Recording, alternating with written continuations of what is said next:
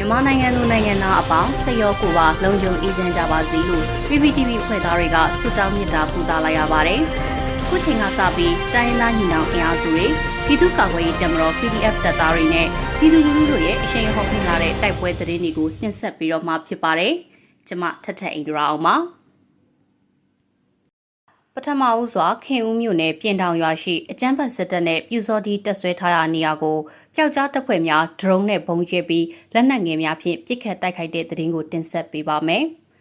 စကိုင်းတိုင်းခင်ဦးမြို့နယ်ပြင်တောင်ကျေးရွာမှာရှိတဲ့အကျန်းဖတ်စစ်တပ်နဲ့ပြူစောတီများတက်ဆွဲစခန်းချရာနေရာကိုဒေသကာကွယ်ရေးပျောက်ကြားအဖွဲ့များက ယမန်နေ့ဇူလိုင်လ10ရက်မနက်7:00နာရီဝန်းကျင်မှာဒရုန်းနဲ့ပုံကျဲတိုက်ခိုက်ခဲ့တယ်လို့လက်နက်ငယ်များဖြင့်ဝင်ရောက်ပစ်ခတ်ကြောင်းသတင်းရရှိပါရယ်။ Riot Tiger Gallia Force နဲ့ဒေသကာကွယ်ရေးအဖွဲ့များပူးပေါင်းပြီးတော့လက်နက်ငယ်တွေနဲ့ပစ်ခတ်တိုက်ခိုက်ခဲ့တယ်လို့စစ်တပ်နဲ့ပြူစောတိတပ်ဆွဲထားတဲ့ဘန်ကာများအတွင်ကိုဒရုန်းနဲ့ထိထိမိမိပုံကျဲနိုင်ခဲ့သဖြင့်အထိခိုက်ရှိနိုင်ကြောင်းသိရပါရယ်။ရင်းနောက်နောက်မှခမှရဟရင်နှစ်စီးနဲ့တိုက်ပွဲဖြစ်ရာနေရာကိုလာရောက်ပြန်ဝဲတဲ့အတွက်ကာကွယ်ရေးတပ်ဖွဲ့များပြန်လည်ဆုတ်ခွာခဲ့ကြောင်း Ryan Tiger Gallia Force အဖွဲ့ထံကနေပြီးတော့သိရပါဗျ။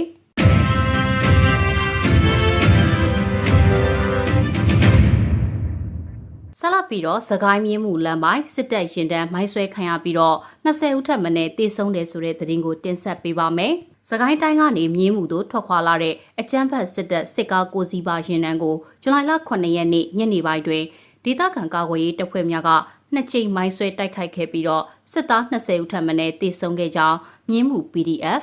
MMU PDF ဖွဲ့ထံကနေပြီးတော့သိရပါဗျ။အဆိုပါစစ်ကားကိုစီးပါရင်နှံကိုဒေသခံကာကွယ်ရေးတပ်ဖွဲ့များကပျော့ရွာနဲ့နဘဲကျူးစီရဲ့ကြားမှာတစ်ကြိမ်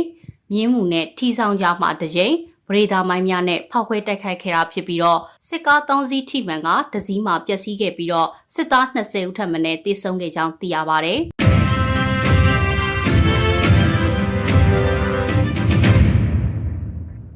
ဆက်လက်ပြီးတော့မုံရွာမန္တလေးလမ်းပိုင်းမှာစစ်တပ်ကင်းမုံများမိုင်းဆွဲခံရပြီးတော့အများအပြားထိခိုက်တယ်ဆိုတဲ့သတင်းကိုတင်ဆက်ပေးပါမယ်။စကိုင်းတိုင်းမုံရွာမန္တလေးလမ်းပိုင်းမှာယနေ့ဇူလိုင်လ10ရက်နေ့နနက်ပိုင်းကစတင်ပြီးတော့စစ်တပ်ကင်းမုံများအကြိမ်ကြိမ်မိုင်းဆွဲတိုက်ခိုက်ခံရပြီးစစ်သား10ဦးထပ်မံတေဆုံးခဲ့တယ်လို့ညောင်မြို့နယ်တော်လှန်ရေးတပ်ဖွဲ့တွေထံကသိရပါဗျ။မနက်6:30မိနစ်မှာမုံရွာမန္တလေးလမ်းမကြီးအတိုင်းချောင်းမြို့ကနေမြင်းမှုမြို့ကိုထွက်ခွာလာတဲ့စစ်သား30ခန့်တင်ဆောင်လာတဲ့ ကန်တာကားနှစ်စီး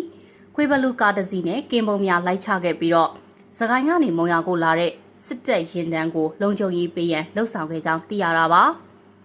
ရင်ကင်ပုံချထားခဲ့တဲ့စစ်သားများဟာမြင်းမှုမျိုးနဲ့အဆက်မှာကားပေါ်ကဆင်းပြီးတော့လမ်းမကြီးအတိုင်းလမ်းလျှောက်လာစဉ် MRE တပ်ဖွဲ့ကပရိဒါမိုင်းတွေနဲ့ဖောက်ခွဲတိုက်ခိုက်ခဲ့ပြီးတော့စစ်သားငါးဦးပွဲချင်းပြီးတည်ဆုံခဲ့ကကြန့်ရှိသောစစ်သားများကလက်နက်ကြီးလက်နက်ငယ်တွေနဲ့ရန်တမ်းပစ်ခတ်ခဲ့ပြီးတော့ကင်းပုံပြန်ဝေခဲ့ပါတယ်။ အဆိုပါစစ်သားတွေကင်းမုံဝစ်တဲ့နေရာဟာ MRE တပ်ဖွဲ့ကမိုင်းများမြုပ်ထားတဲ့နေရာဖြစ်ပြီးတော့ MRE တပ်ဖွဲ့ကဆက်လက်မိုင်းဆွဲတိုက်ခိုက်ခဲ့သောကြောင့်စစ်သားတွေတက်ပြက်ပြီးတော့ဝရုံတုံကထွက်ပြေးစဉ်အနီးမှာရှိတဲ့တရားပေါ်ကိုပြေးတက်သွားပြီးတော့တရားဘေးဘက်မှာလည်း MRE တပ်ဖွဲ့ဘက်ကမိုင်းများမြုပ်နှံထားတဲ့အတွက်ထပ်မံမိုင်းဆွဲခဲ့တာကြောင့်စကားစတပ်သားအများအပြားတိဆုံးခဲ့ကြောင်းသိရပါတယ်။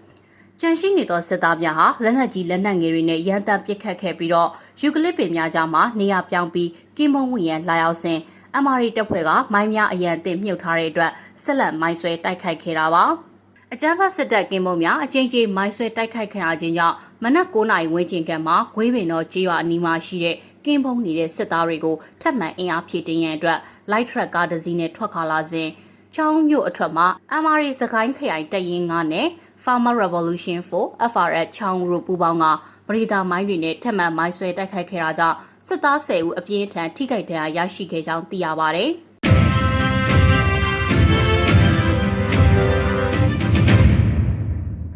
နောက်ဆုံးအနေနဲ့အမျိုးသားညီညွတ်ရေးအစိုးရပြည်ထရေးနဲ့လူဝင်မှုကြီးကြပ်ရေးဝန်ကြီးဌာနက2022ခုဇူလိုင်လ9ရက်ရက်စွဲနဲ့ထုတ်ပြန်တဲ့ပြည်သူ့ခုခံတော်လှန်စစ်တည်င်းအချက်လက်တွေကိုတင်ဆက်ပေးပါမယ်။